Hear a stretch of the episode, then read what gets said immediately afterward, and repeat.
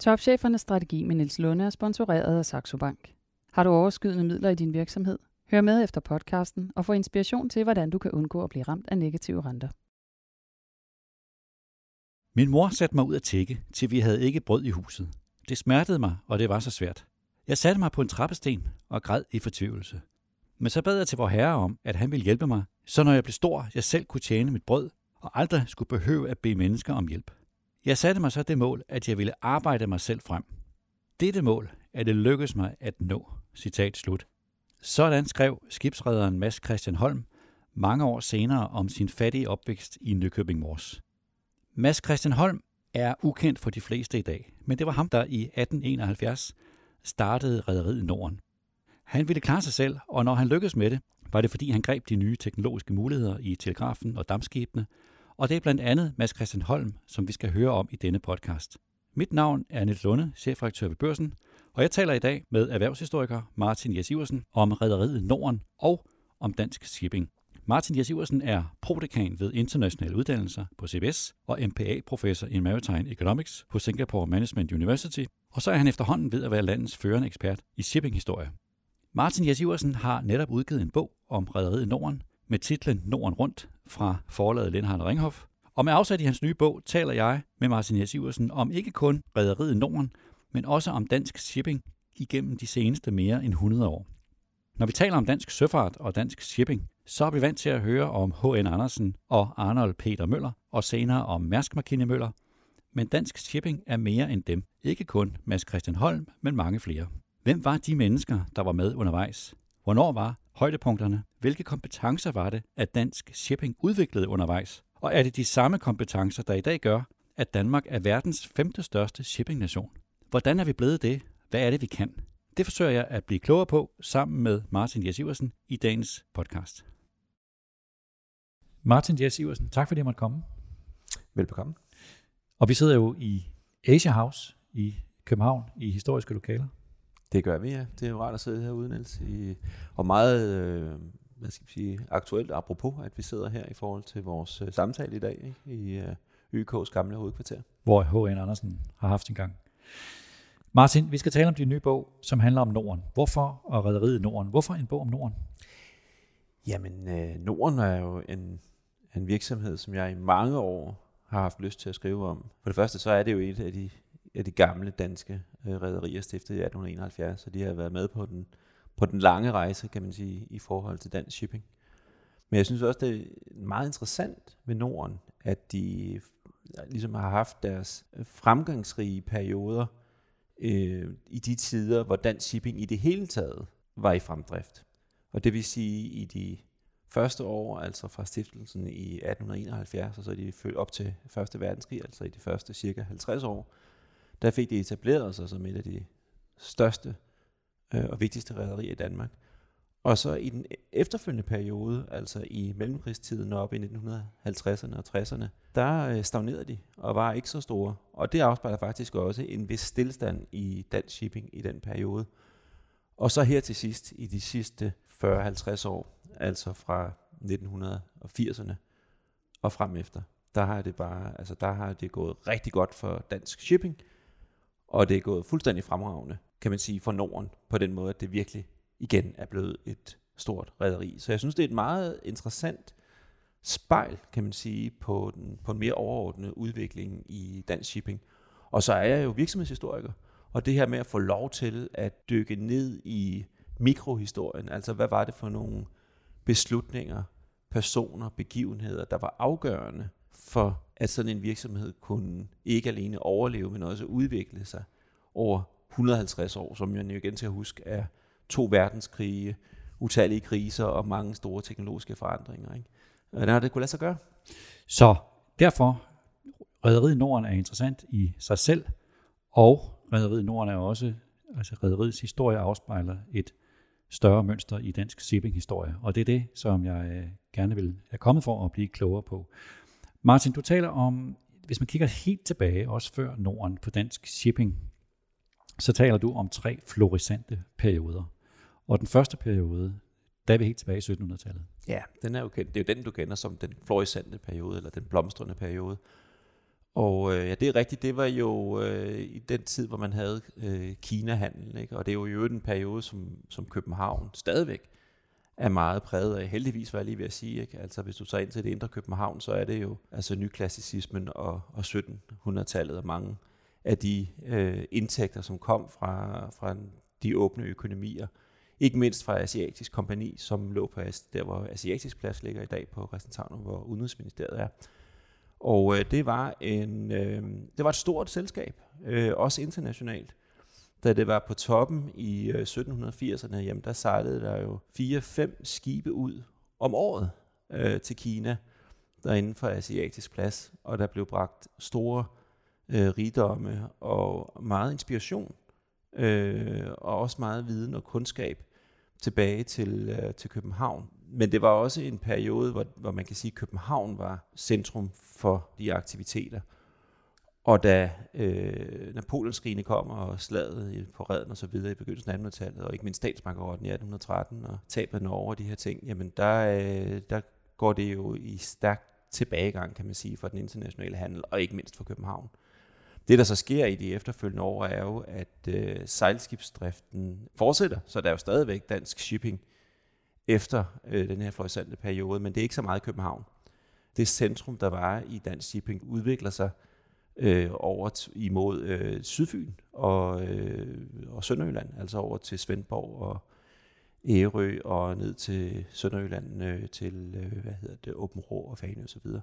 Og så er det faktisk først med dammskibene og øh, aktieselskaberne, altså i øh, fra 1860'erne og med, med TIG'en og DFDS, som blev stiftet i 1866, at den næste florissante periode, kan vi sige, kommer for, for dansk shipping, og især for København. Det er en vigtig pointe.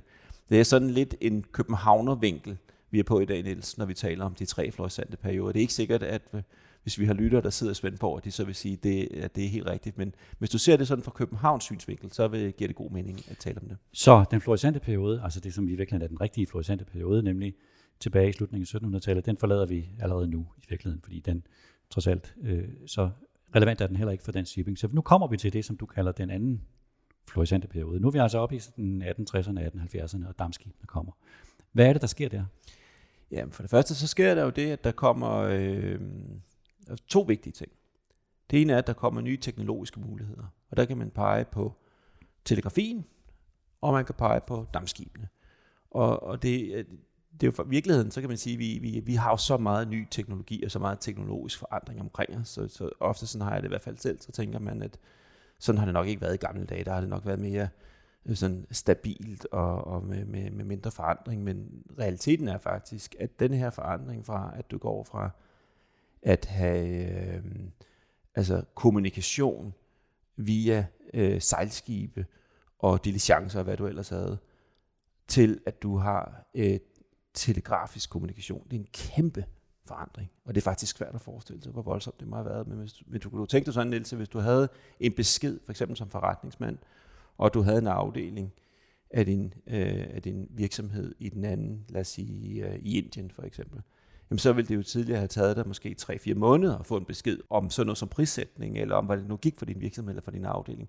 Og så går det over til nu, altså bogstaveligt talt fra den ene dag til den anden, at du faktisk får din kommunikation i real time, altså instantly med det samme. Og det er jo en kæmpe forandring. Så det er den ene side. Den anden side er så dammskibene. Det er jo også en enorm forandring, fordi der går du fra at være, så at sige, i naturens luner, til at du kan lægge planer, og du kan lave øh, sejlplaner, og du kan sige, at vi ved præcis, om de er, det, det, det, det tidspunkt, jamen der ankommer skibet til, til den og den havn. Og så kan du regne nogenlunde med, at, øh, at det vil være tilfældet. Det kan du kun, kun med et sejlskib. Så, så det er en kæmpe stor forandring, der, der gør sig gældende. Det andet, der så, det var sådan den teknologiske side, det andet, vi kan tale om i den her periode, det er så, at øh, det er det politiske. Det er også i den periode, hvor, hvor øh, demokratiseringen kommer, altså, hvor, og der er også en økonomisk dimension til det. I Danmark, der kender vi det fra, selvfølgelig fra grundloven i 1849, men i 1857, altså otte år senere, der kommer næringsfrihedsloven.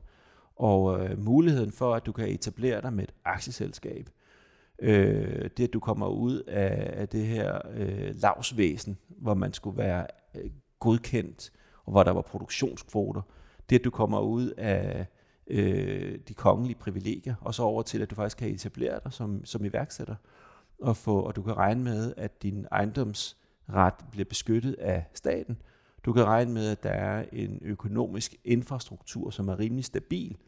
Det var, den var faktisk så international og stabil, så der var en nordisk møntunion i den her periode i 1870'erne og 1880'erne, så man kunne handle på tværs uden de store transaktionsomkostninger. Øhm, det er helt afgørende for, at du får sat en ny dagsorden for økonomisk vækst. Og det er der aktører, der griber, ikke mindst i København. Og en af de aktører, han hed Mads Christian Holm, og han stifter Damselskabet Norden øh, den 11. februar 1871. Hvad var det, Mads Christian Holm? Nu tror jeg, at de fleste i dag måske ikke kender ham, men det er ham, der starter Norden. Hvad var det, han ville, og hvad var det, han kunne? I virkeligheden så var der flere, der burde kende Mads Christian Holm. Øh, ikke mindst øh, i Helsingør. Han stift var jo øh, også stifter af Helsingør Skibsværft, der havde stor betydning for Helsingør by. Og også for hans hjemmeegn øh, Mors, og han øh, gennem øh, testamentet også fik sat en stor, øh, hvad hedder sådan noget, dagsorden, eller fik øh, lagt en stor arv øh, for folk derop. Det han ville, og det han kunne, det var, at han ville udnytte og kunne udnytte nye teknologier. Altså, øh, han stifter damselskabet Norden i 1871, fem år efter Tigten stifter øh, DFDS, som også var et dammskibsselskab. Men udover Tikkens selskab, så var det et af de tidligste danske dampskibsselskaber. Det er en periode, hvor der er ganske, ganske få danske dampskibe. Langt, langt de fleste skibe var sejlskibe. Men øh, Mads Christian Holm, han kunne se mulighederne i den her nye teknologi. Og det han så gjorde, var, at han øh, tænkte internationalt og stort. Øh, og det han gjorde, var, at han benyttede sig af telegrafien samtidig med damps, øh, dampskibene. Og han var den første til at sende et dams, dansk dampskib i øh, øst for Suezkanalen, og så kunne han fra sit kontor øh, inde i Havnegade, der kunne han sidde og styre sine skibe, der sejlede ud på Kinekysten i, i slutningen af 1870'erne og gennem 1880'erne. Og det var meget sjovt, da jeg sad og så i, øh, i protokollerne og i, i regnskaberne, så kunne du se, at han, altså en meget stor del af hans administrationsomkostninger, det var til telegrafi. Det var på, i nogle år i begyndelsen af 1880'erne, der brugte han flere penge på til at sende telegrammer, end han brugte på at betale lønninger til medarbejderne på kontoret.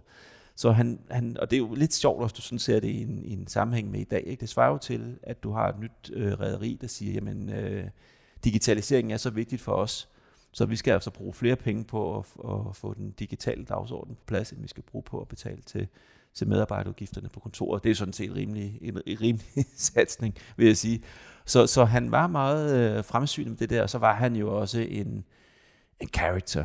Altså det, han, han, der er næsten potentiale i ham til, at man kunne lave en tv-serie på Netflix, vil jeg sige. Ikke? Han, han var ganske ung, der rejste han til, øh, til USA og, ned og, og bosatte sig over i, øh, i San Francisco i Kalifornien, øh, i Oakland og byggede et skibsværft op og rejste hjem på tværs af USA og giftede sig så med en kaptajnsdatter i øh, Løjt øh, kirkeby uden for Åben Rå og han øh, kunne der se øh, de der store gamle dammskibs, eller undskyld, øh, sejlskibsrederier, og de muligheder, der var i det. Men familierederierne i Sønderjylland, de gik faktisk, øh, kom i store problemer på det her tidspunkt, og samtidig sker der også det, at, øh, at øh, Nordslesvig eller Sønderjylland bliver en del af Tyskland. Så derfor så flytter han med sin hustru til, øh, til København i slutningen af 1860'erne, med ambitionen om at gøre det endnu bedre end sin svigerfar. Det er jo en velkendt ambition, som man har set både før og, og siden. Kan man tale på det her tidspunkt, nu er vi så i, øh, i 1871 og i årene omkring det, kan man tale om shipping som shipping? Altså kan man tale om shipping på det her tidspunkt som sådan en, en kommersiel disciplin? Ja, det synes jeg, man kan i høj grad faktisk. Og i virkeligheden kan man sige, de to grunddiscipliner, der er i shipping, det handler jo om på den ene side, at du kan lave det, der hedder asset play, altså at du kan købe og sælge skibe på de rigtige tidspunkter. Og det er faktisk ofte det, at shippingfolkene tjener allerflest penge på. Altså at købe dine skibe billigt og sælge dem, når de er dyre igen. Ikke? Øh, det er den ene side, og den anden side er så det her med at være i stand til købmandskab. Det vil sige sende dine skibe de rigtige steder hen, sejle med de rigtige varer. Og ikke mindst det her med at have et netværk, så du hele tiden er orienteret om, hvad foregår der nu. Er det god idé at være tæt på, på den sydamerikanske, brasilianske kyst nu, fordi om tre måneder, der vil der være en masse vi, kaffe, vi skal sejle med der, eller er det klogt at få laks over i, uh, ved Kina, fordi der er noget nyt på vej, eller der sker nogle ting. Hele det der informationsnetværk i købmandskabet, det var afgørende dengang, og det er afgørende i dag. Og det var han god til. Og det var han rigtig god til. Ja, han var måske inden A.P. Møller den allerdygtigste dansker til, øh, til tramsalas. Tramsalas skal du lige forklare. Tramsalas, det er netop, når man ligesom taxaerne får sin skibe rundt til der, hvor, hvor, hvor kunderne venter. Modsat linjesejladsen, der er ligesom busserne, hvor du, hvor du kører fast øh, linje mellem to destinationer. Så har vi perioden op til Første Verdenskrig, og øh, vi har også perioden under Første Verdenskrig, som, hvor de jo øh, tjener gode penge, de danske rædderier under Første Verdenskrig. Og så efter Første Verdenskrig, hvor du også har forklaret mig, at der var sådan en forventning om, at efter freden, så ville der komme økonomisk vækst, og så gik det anderledes. Og nu springer vi langt i historien. Mm. Hvad var det, der skete der i årene efter Jamen, Første altså, Verdenskrig? Men, men man kan jo sige det sådan, at, at vi jo alle sammen som mennesker, vi har vores erfaringsdatabase, og den der erfaringsbase, vi har, den bygger jo på vores fortid. Og sådan var det jo også for aktørerne efter Første Verdenskrig. Og det, som de forventede og håbede, det var naturligvis, at verden ville komme tilbage til den gamle orden, den gamle verden, som vi kendte fra før Første Verdenskrig. Og der skal man jo huske på, at det var jo øh, en periode, hvor der var meget fremtidshåb, og der var meget fremgang i årtiet fra år 1900 til begyndelsen af 1910'erne, altså op til, til Første Verdenskrig. Så det havde man håbet på, det havde man forventet at regne med. Men så sker der det, at der kommer en international krise, og verden kommer ikke tilbage i, øh, i 1920, og øh, særligt faktisk for shipping, der bliver det nogle rigtig vanskelige år. Der er simpelthen et kollaps. Der kommer der bliver bygget for mange skibe, der kommer for mange skibe på markedet, og der er for få varer at sejle med. Efterspørgselen er for lille. Og det vil sige, at øh, mange af rædderierne, de havde købt dyrt ind i forventning om, at det ville gå rigtig godt. De har købt dyre skibe ind, og så står de med stor gæld, og så har de lave indtægter, og så går det galt, så kollapser de. Det var ikke tilfældet for Norden. Norden, de kommer sådan rimelig godt igennem det. De har en, en fast flåde, men det er ikke en stor flåde, og de ekspanderer ikke. Og i 20'erne og 30'erne, der har de sådan en, altså der er de sådan en aktør, der ligger med de der, ja, er det sådan en, en, en 5-10 store dammskibe, som de, som de opererer på det tidspunkt. Men det gør de godt, og det gør de stabilt.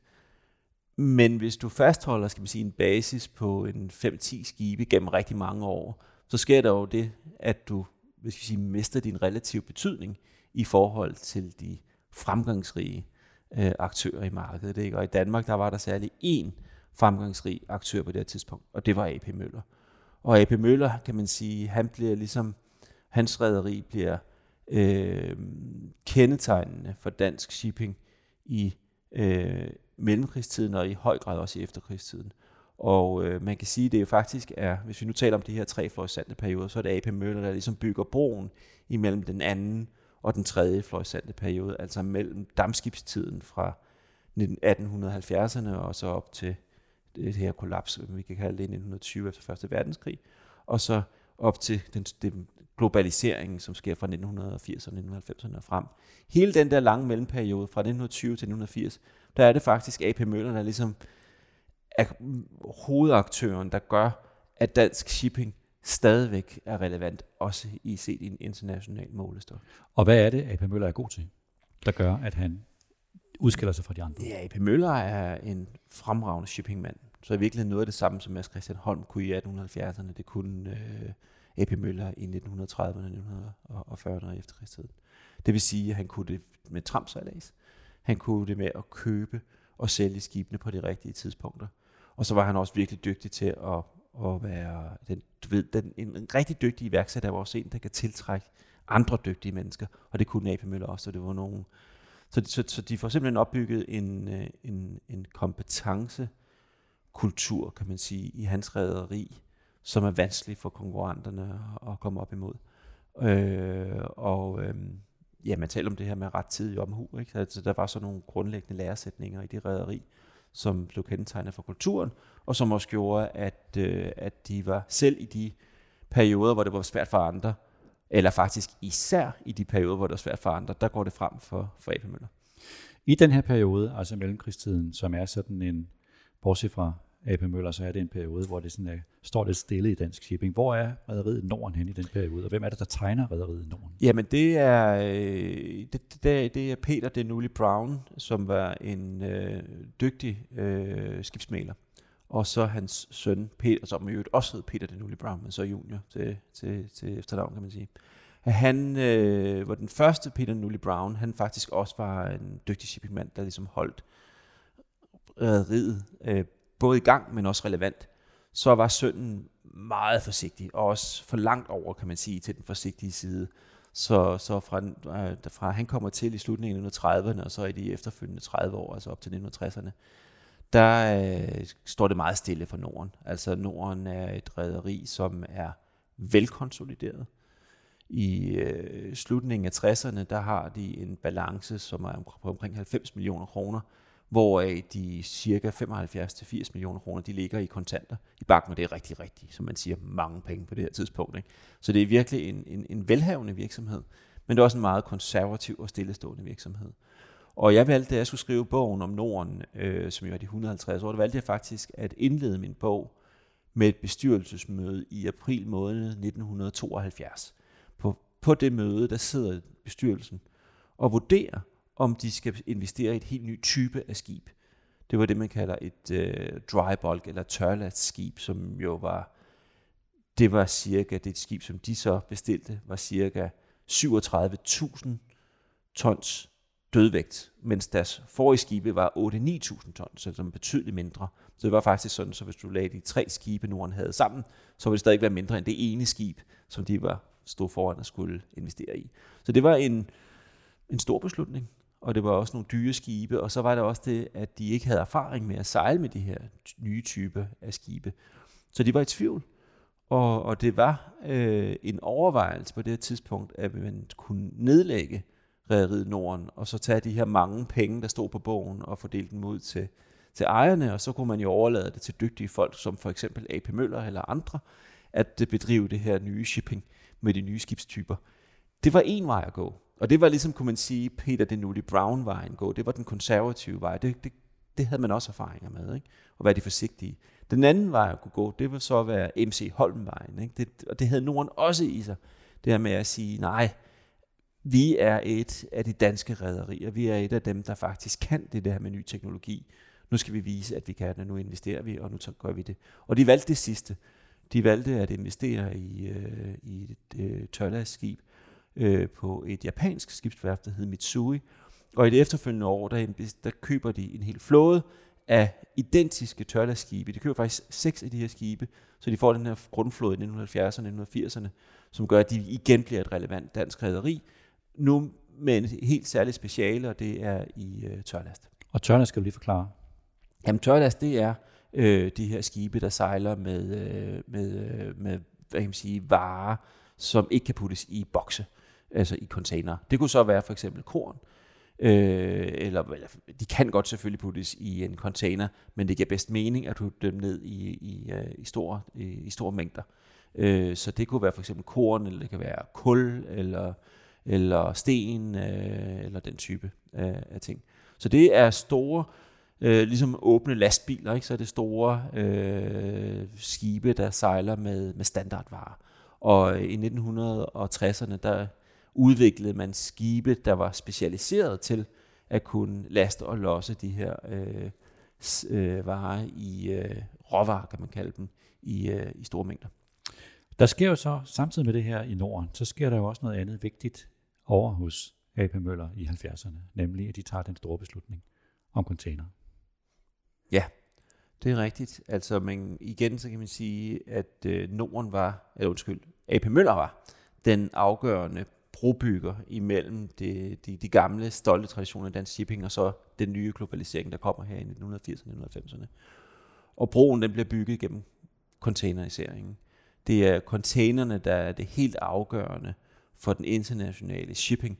Det er containerne, der gør, at du har en grundinfrastruktur for globaliseringen. Altså det her med, at du kan sige, du sidder med en, en, en, en, en dansk produktion, så kan du på det her tidspunkt i 1980'erne sige, hvorfor egentlig ikke producere i øh, et andet sted i verden, hvor det er meget billigere.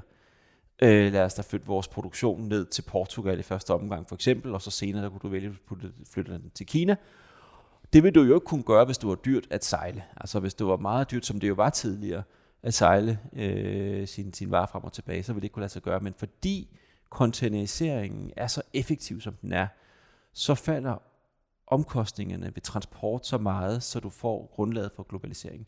Og der øh, kommer Mærsk ind og bliver øh, en afgørende spiller, ikke alene i Danmark, men også internationalt. Og det, der sker i Mærsk, er vel, det er jo, at de, det er faktisk en konkret beslutning, de træffer. Ja, det er det. Altså, det er jo en konkret beslutning, som bygger på mange års overvejelser. Øh, og den beslutning der, det handler jo om, at man siger, jamen, hvor længe skal vi fortsætte med vores øh, general cargo, vores, vores, vores gamle måde at gøre det på? Hvornår skal vi gå ind i kontinentisering? De kunne se konkurrenterne var gået i gang, og det de gør, øh, og det er jo Mærsk McKinney Møller, der står bag den her beslutning i begyndelsen af 1970'erne, det er, at de ligesom bliver, vælger at være second movers. Det vil sige, de, øh, de jagter konkurrenterne og konkurrenternes øh, fordele og gode beslutninger, men også konkurrenternes knap så gode beslutninger. Og en af de knap så gode beslutninger hos konkurrenterne, det var ligesom at fokusere alene på shippingdelen af containeriseringen. Så det øh, Mærsk og AP Møller kunne se, det var, at, at effektiv og succesfuld containerisering, det kræver faktisk en større investering end alene i shipping. Det kræver en logistisk investering. Det kræver, at du også investerer i, i havne, i havneanlæg, at du investerer i container, containerproduktion, altså boksproduktionen, og også i øh, logistikken og endda også i landtransporten, således at du får en logistikkæde, hvor du kan få ud den optimale fordel af containeriseringen. Det der bare er ved det, Niels, det er, det er jo hundedyrt. Og det betyder også, at de her, man taler om entrance barriers, de bliver meget høje. Det er ikke et marked, du sådan lige bevæger dig ind på. Det kræver rigtig meget. Men øh, AP Møller er på det her tidspunkt en meget stor virksomhed, og det er en virksomhed, der har store indtægter som et helt konglomerat af forskellige dele. Øh, de begynder at få penge ind på, øh, på olie, men især på tankskibene. Det tjente de rigtig mange point på i slutningen af 1960'erne. Og de her penge fra tankskibene, de her store overskud fra tankskibene, den kunne de så kanalisere over i de store containerinvesteringer. Men de kunne se, at for at være succesfulde i container, så kræver det meget store investeringer. Det lykkedes så for Mærsk op igennem 70'erne at få succes med container, og det er det, der så skaber for forudsætningen for det, som du kalder den tredje periode, den tredje florissante mm. periode for dansk shipping. Ja, den tredje florissante periode for dansk shipping, den øh, er karakteriseret igen ved at afspejle omverdenen. Øh, og igen kan man sige, ligesom i den anden florissante periode, så er det globaliseringen. Ikke? Det er det her med, at du får mulighed for igennem ny teknologi og igennem politiske forandringer får du mulighed for at, øh, at vækste og at, at, at afsætte dine varer, at investere på, på, på et helt nyt niveau. Og, i, og hvis vi taler om teknologierne her, jamen, så er teknologierne selvfølgelig, øh, som vi taler om, de øh, containerne, men bag ved containerne er det faktisk digitaliseringen. Det er jo det her med, at du kan opsætte systemer, der gør, at du kan følge og styre dine logistikkæder og dine, øh, og dine container osv helt optimalt gennem digitaliseringen. Det er afgørende. Og nok så vigtigt, så er det igen det politiske, ikke? Altså i det her tilfælde, der er det i 1980'erne, der er det selvfølgelig The Single European Act, som kommer i 1987, og som blev efterfulgt af det indre marked fra 1. januar 1993. Og så senere hen, øh, ikke mindst, Kitas optagelse i WTO i år 2002. Det er det, det er det politiske bagtæppe for globaliseringen. Og i dansk shipping, og ikke mindst Norden, der er man i stand til at gribe den her globaliseringsmuligheder på et, i et omfang, som er meget, meget interessant. Fordi det er ikke bare sådan en, en, en dansk historie, det er faktisk en international historie. Og hvor vi sidder i dag, så har vi en situation, hvor Danmark er verdens femte største shipping-nation, hvis du ser på operation af tonnage. Altså den kommercielle operation af tonnage. Og det, var jo, og det er en position, som Danmark på ingen måde var i nærheden af op gennem det 20. århundrede. Så, så, så det er et spørgsmål om, at Danmark har, og danske rædderier har været i stand til at, øh, at gribe globalisering. Jeg kan huske, da jeg startede for, med at forske i, øh, i shipping, og det er ved at være over 10 år siden, der var jeg meget interesseret i at forstå øh, Mærsk. Altså, hvad var det for noget egentlig det her med, med Mærsk, og hvordan har de gjort med containerne, og den historie, vi lige var inde på ganske kort. Men jo mere jeg dykker ned i shippingforskningen, jo mere ser jeg nu, at øh, dansk shipping er så meget andet og meget mere end Mærsk. Og især faktisk i de sidste 10-15 år, kan man sige, der er den dynamik, som der nu er i, øh, i dansk shipping, den er meget andet end, øh, end Mærsk. Der, de, de mange nye ting, de kommer faktisk fra andre steder end fra, fra Mærsk. Men der, hvor Mærsk også igennem 70'erne og 80'erne skaber forudsætningen for den nye florissante periode, det er deres talenter, deres talentudvikling. Ja, det er rigtigt. Det, det, det er meget, det, og det er så påfaldende. Ikke? Nu, nu så jeg det jo, da, da jeg kiggede på Norden-historien. Øh, Men hvis du ser på lederne i dansk shipping, sådan bredt i slutningen af 1980'erne og op gennem 1990'erne, så var de faktisk lyseblå. Næsten alle sammen. Lyseblå forstået på den måde, at de kom fra Mærsk. De var blevet øh, ansat ofte som elever, som Mærsk. De var kommet ind i deres meget, meget effektive ledelsesprogram, øh, der hed MISE, som var sådan et internationalt øh, program, som var på et niveau, man ellers ikke havde i, 1900, i slutningen af 80'erne op gennem 90'erne i andre danske virksomheder. Men det betyder også, at de bliver meget dominerende.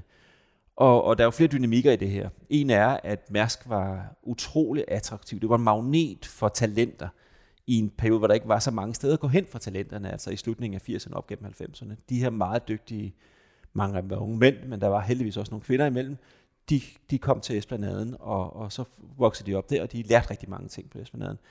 Men en anden dynamik, der også er væsentlig, det var jo fordi, at Mærsk jo er en virksomhed, og er et hierarki, så sker der jo det, at der kommer sådan en udskilning, fordi der er jo plads til dem alle sammen op på toppen af pyramiden.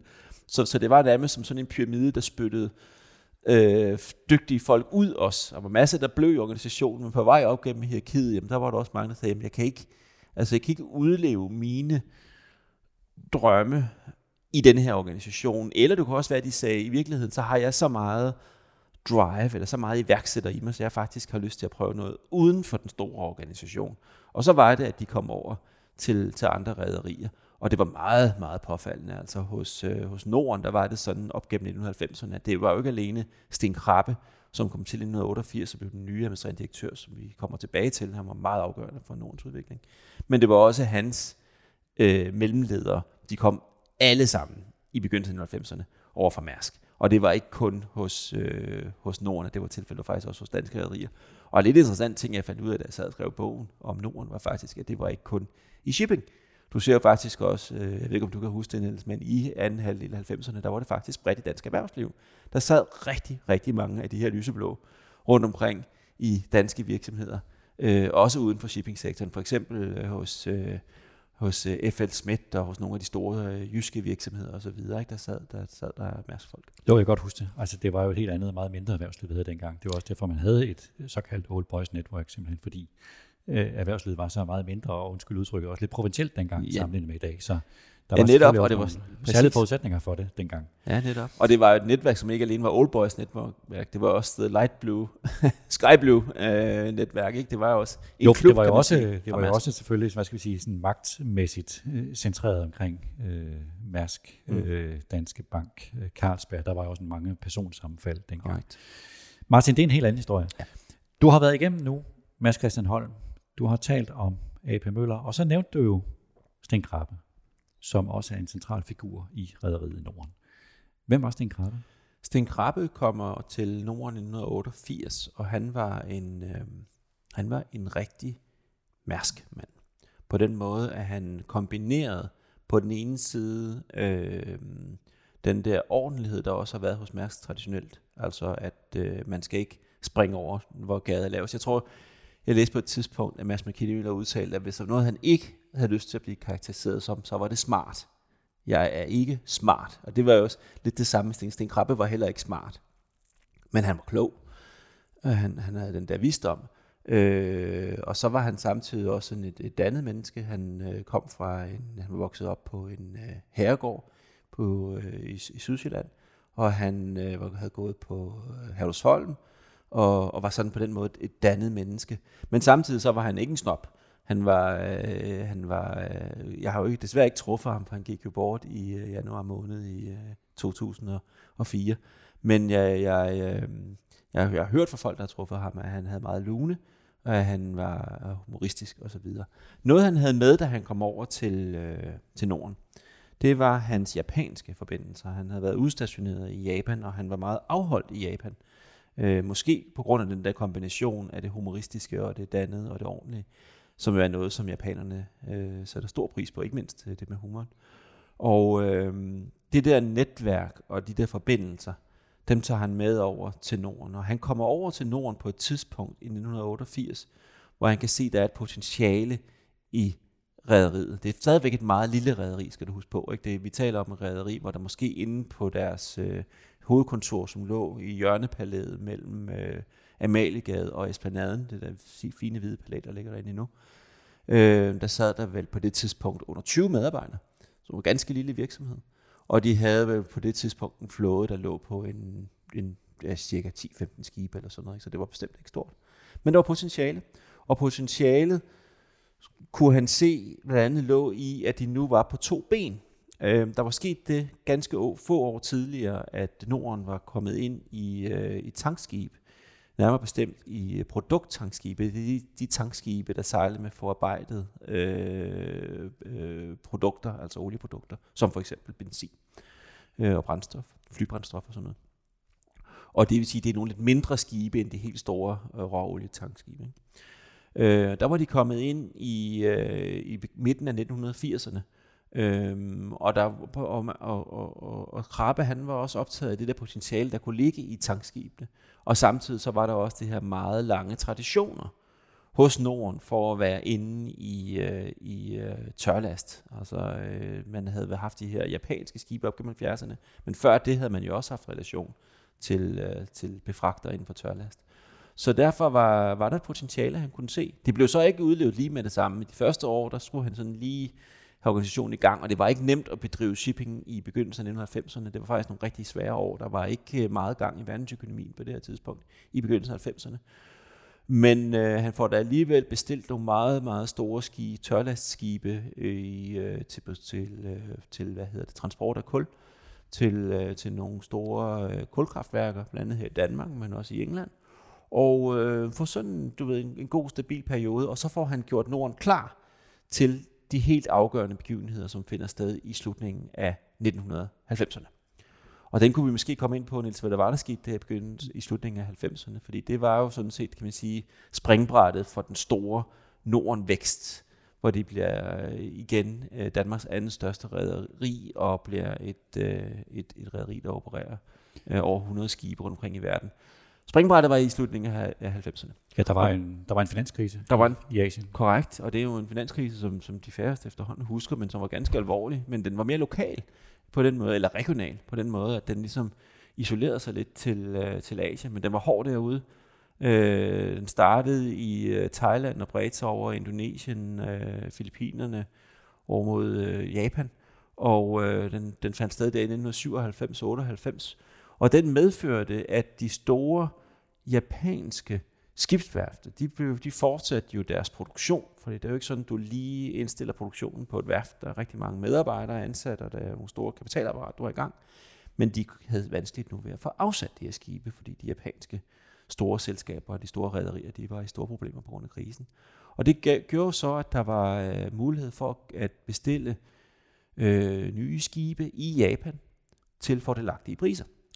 Og øh, det er altså ikke helt uinteressant, det der med, at det er Japan, fordi øh, for det første, så er, der, så er Japan i sig selv et stort marked. Så det med, at du får foden indenfor i Japan, det betyder også, at hvis du kan få foden indenfor i nogle af de store øh, handelshuse i Japan, jamen, så er der nogle vigtige handelsrelationer, ikke, som, som er vigtige. Men den anden side med Japan er, at Japan også har en meget, meget stolt skibbygningstradition. Det vil sige, de skib, du får derudfra, det kan du godt regne med, det er høj kvalitet. Det er rigtig, rigtig gode skib. Så, øh, så, så, så, så den her mulighed, den, den tegner sig i slutningen af, af 90'erne. Og øh, Sten Krabbe, han benytter sig af sine japanske relationer. Han har fået nogle dygtige unge øh, shippingfolk ind. Øh, Jakob Melgaard og øh, Carsten Mortensen øh, kommer ind på det her tidspunkt og står for deres tøllersafdeling. Og det er nogle øh, unge løver, der vil frem i verden. Og de øh, står på spring for at kontrahere ny øh, tonnage. Og øh, det lykkedes for dem at overbevise Nordens bestyrelse om at, øh, at satse på det her, øh, på, på, på de her japanske skibsbygningsmuligheder. Men jeg vil sige det sådan, når jeg gik ned i arkivet, så kunne jeg faktisk se, at bestyrelsen var skeptisk. Fordi bestyrelsen sidste, ja, så kan de se, at det kan godt være, at I synes, det er en god idé at øh, bestille alle de her nye skibe, men prøv lige at kigge på markedet. Efterspørgselen er, er altså lav, fordi der er den her asiatiske krise det, som var svaret øh, på, på, denne her, øh, på de her forbehold fra, øh, fra, fra shippingfolkene øh, i Norden, det var, at øh, jamen, der er et kæmpe potentiale i shipping. Og det er der, fordi i andre steder i verden, der sker der nogle rigtig spændende ting nu. Vi kan se, at i USA er der en stabil økonomisk situation. Clinton, som var præsident på et tidspunkt, har fået styr på den amerikanske økonomi. Øh, internetøkonomien begynder at tage form. Øh, World Wide Web var blevet introduceret i midten af 90'erne. Der kommer de her store investeringer, som vi kender, der er jo så vendt med, endt med IT-boblen i 2001. Men det er i slutningen af 90'erne, der er der gang i USA. Øh, Vesteuropa har også begyndt at røre på sig. Øh, det har taget rigtig, rigtig lang tid. Øh, det man jo håbede på ville ske hurtigere i forbindelse med, øh, med murens fald og øh, øh, af, af Østeuropa. Men nu var der begyndt at komme, øh, at komme rimelig sige, udviklingen i Vesteuropa også. Så det var argumentationen. Øh, men det var stadigvæk ikke nok. Øh, de her folk i, øh, i bestyrelsen, de var forsigtige, og de sagde, ah, er det nu klogt, og hvor mange skibe skal vi lige have ind, og er I sikre på, at I kan få sejlet med dem? Så, så fandt de ud af noget meget smart, øh, disse shippingfolk i øh, Carsten Morten og Jacob Melgaard. De var nemlig smarte også. De var ikke kun kloge, de var også smarte. Og de fandt jo så på at sige, jamen, hvis vi kan aftale en masse fragt laster, det vil sige, at vi forpligter os på, at vi skal sejle med en masse varer, for eksempel for amerikanerne, der nu har gang i deres økonomi, og for europæerne, så bliver problemet jo ikke længere, at vi skal finde på laster til vores mange skibe, vi har bestilt i Japan. Så bliver problemet derimod, har vi skibe nok til de aftalte laster? Og det var faktisk det, de gjorde i begyndelsen. Så aftalte de, lavede de mange aftaler fremadrettet i forhold til, at, de, at Norden skulle sejle med, med de pågældende laster, for det kunne de gøre på de her markeder dele af verden, hvor det gik fremad. Og så pludselig så fik de vendt argumentationen, det er meget, meget interessant psykologi, så fik de vendt argumentationen i bestyrelsen, og de forsigtige kræfter i bestyrelsen, Nordens bestyrelse, de gik jo så ind og stedet for at begynde at spørge, er I sikre på, at vi har skibe til de her mange laster, vi skal i gang i? Og så kunne de så tage frem, ja, vi har faktisk nogle muligheder her i Japan. I Japan der er der mulighed for, at vi kan bestille nogle nye skibe. Og det, der var rigtig interessant med de her japanske aftaler, det var, at det var nogle aftaler, som, øh, som gik på, at det var noget altså langtids øh, chartring af skibene med købsoptioner. Det vil sige, at det var faktisk ikke så risikobetonet, som sådan nogle købsaftaler normalt er. Øh, hvis nu, at markedet ikke vendte, hvis nu det faktisk ikke gik, som, øh, som, som shippingfolk nu hos Norden, de håbede på, jamen så kunne skibene afleveres tilbage. Og det har jo rigtig stor betydning, når det er de her meget dyre aktiver, vi taler om. Så, øh, så, så alt i alt, så, så, så står Norden utrolig stærkt i begyndelsen af nullerne, fordi de har fået de her japanske skibe ind. Og det, der så sker, er jo, at Kina kommer i gang. Det, men det var ikke sådan, at man talte så meget om Kina i slutningen af 90'erne, da man sad og bestilte de her skibe. Men den afgørende faktor, den var man ikke klar over. Den kommer først her, og den kommer i begyndelsen af nullerne. Den kommer, øh, som jeg nævnte tidligere, med Kinas optagelse i WTO. Og så denne her enorme urbanisering og modernisering, der finder sted i Kina op gennem nullerne. Og der skal du huske på, Niels, at når du skal modernisere et land, så skal du bygge veje, du skal bygge huse, du skal bygge broer, hele den der grundlæggende infrastruktur. Og hvad skal du bruge til det? Der skal du bruge de varer, som skal sejles i tørlastskib.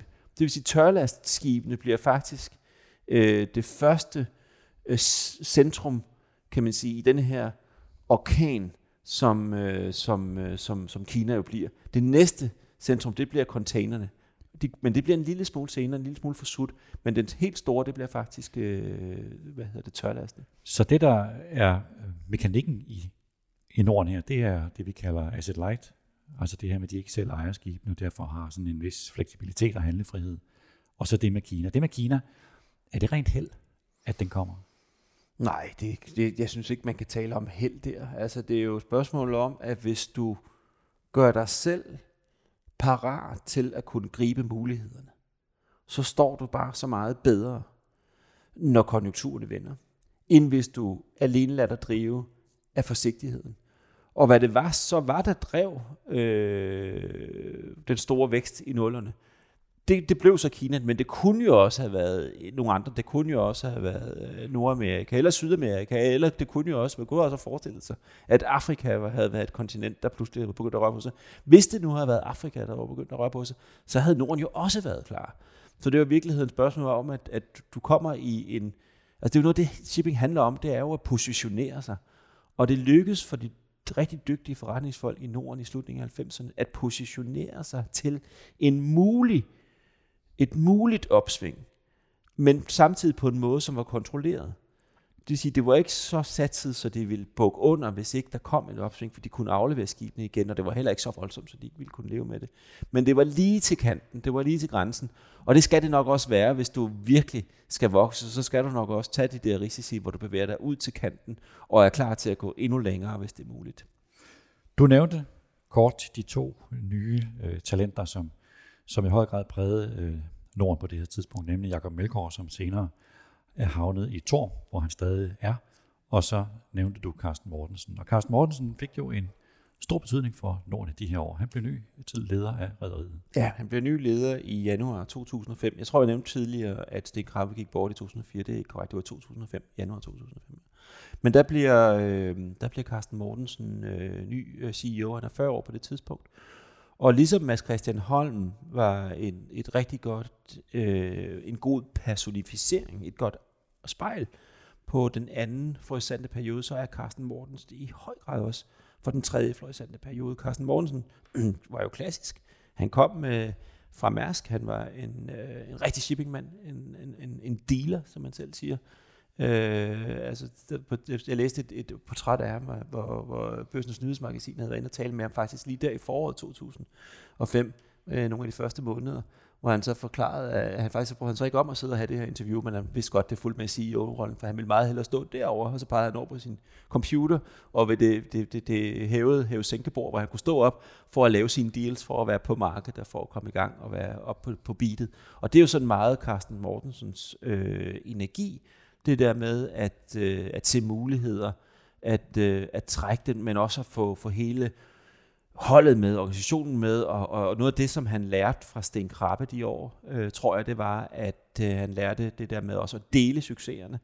Altså han var meget opmærksom på, at det her det skal være en fælles indsats. Øh, du når ikke så langt øh, som CEO, øh, hvis, du, øh, hvis du tager æren selv det er jo først den, der virkelig kan få, øh, få, få den der afs, øh, hvad hedder sådan noget, øh, afsmittende effekt i gang, der, der, kan, der, kan, der kan rykke. Ikke? Og det kunne Carsten Mortensen, og han havde så også et helt øh, formidabelt internationalt netværk.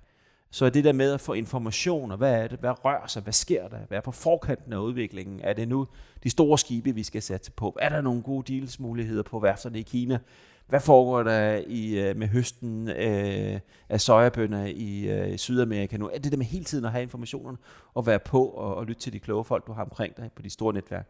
Det var noget, som Carsten Morgensen og hans folk kunne. Det er jo også typisk, at han kom over fra, fra Mask Broker, fordi det er lige præcis de der malere, der skibsmalerne, det er meget tit dem, der sidder og får de der informationer. Øh, og det var, øh, det var en del af de der øh, dygtige Norden-folk, de kom faktisk over fra, fra Maersk Broker, som er den der broker-enhed fra, fra malerenheden fra, fra Mærsk-koncernen.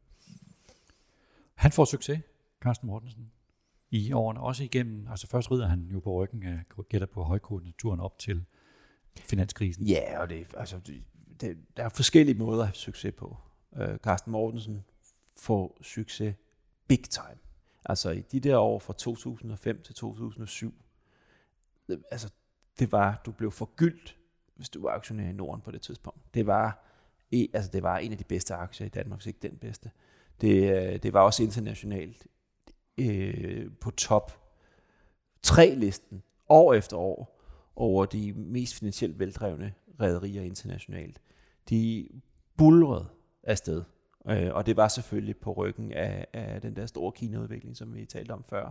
Men det var også den rigtige mand på det rigtige sted på det rigtige tidspunkt. Han kunne det der øh, og, og han bulrer afsted lige indtil øh, september måned 2008, og det var meget, meget dramatisk i shipping. Ja, faktisk var det sådan, så hen over sommeren 2008, der var der all-time high på, på, på raterne på tørlast. Der var de helt op på et fuldstændig absurd, det har ikke været der før eller siden, rateniveau. Og så falder det bare som en sten ned øh, i forbindelse med Lehman Brothers crash og den store finanskrise. Og, og det er selvfølgelig en kæmpe stor transformation. Og, og, og det var sådan set også, øh, taler også Carsten Mortensen til jer, at han landede på benene, og Norden landede på benene. De fik øh, reddet sig igennem de, de følgende år, og, og, og, det var, og det var svært. Det var meget, meget svært, fordi deres øh, kunder kunne ikke betale, deres skibe faldt i værdi, indtægterne kollapsede, aktiemarkedet var, var surt, øh, og, og, og analytikerne var sure. Øh, øh, men så kommer der faktisk så nogle rimelige år i 2010-11, så de får sådan nogle bygget sig igennem. Og så i, øh, i, i, i 2013, der begynder øh, utålmodigheden at røre sig lidt hos, hos dealmakeren. Øh, jamen, hvornår kommer det her marked tilbage? Man gik jo rigtig meget i, i, i tørlæs og talte om, hvornår, hvornår kommer vi tilbage? Hvornår kommer vi tilbage til de gode tider? Og der var det sådan, øh, ikke alene hos Norden, men også mere generelt en opfattelse i, i 2013, at det her, det kunne godt være året. Men så rigtig fornuftige rater. Norden havde så gjort det, at de havde sat sig meget forsigtigt ind i det regnskabsår. Så langt det meste af deres skibe var afdækket. Det vil sige, at de havde lavet aftaler om, at, at skibe skulle transportere aftalte laster. Så der kunne ikke rigtig tjene så mange penge, fordi det, det var på et aftalt retniveau. Og det ærede jo Carsten Mortensen, da han stod der i efteråret 13 og kunne se, at der havde været mange penge, de kunne have tjent i et fornuftigt år.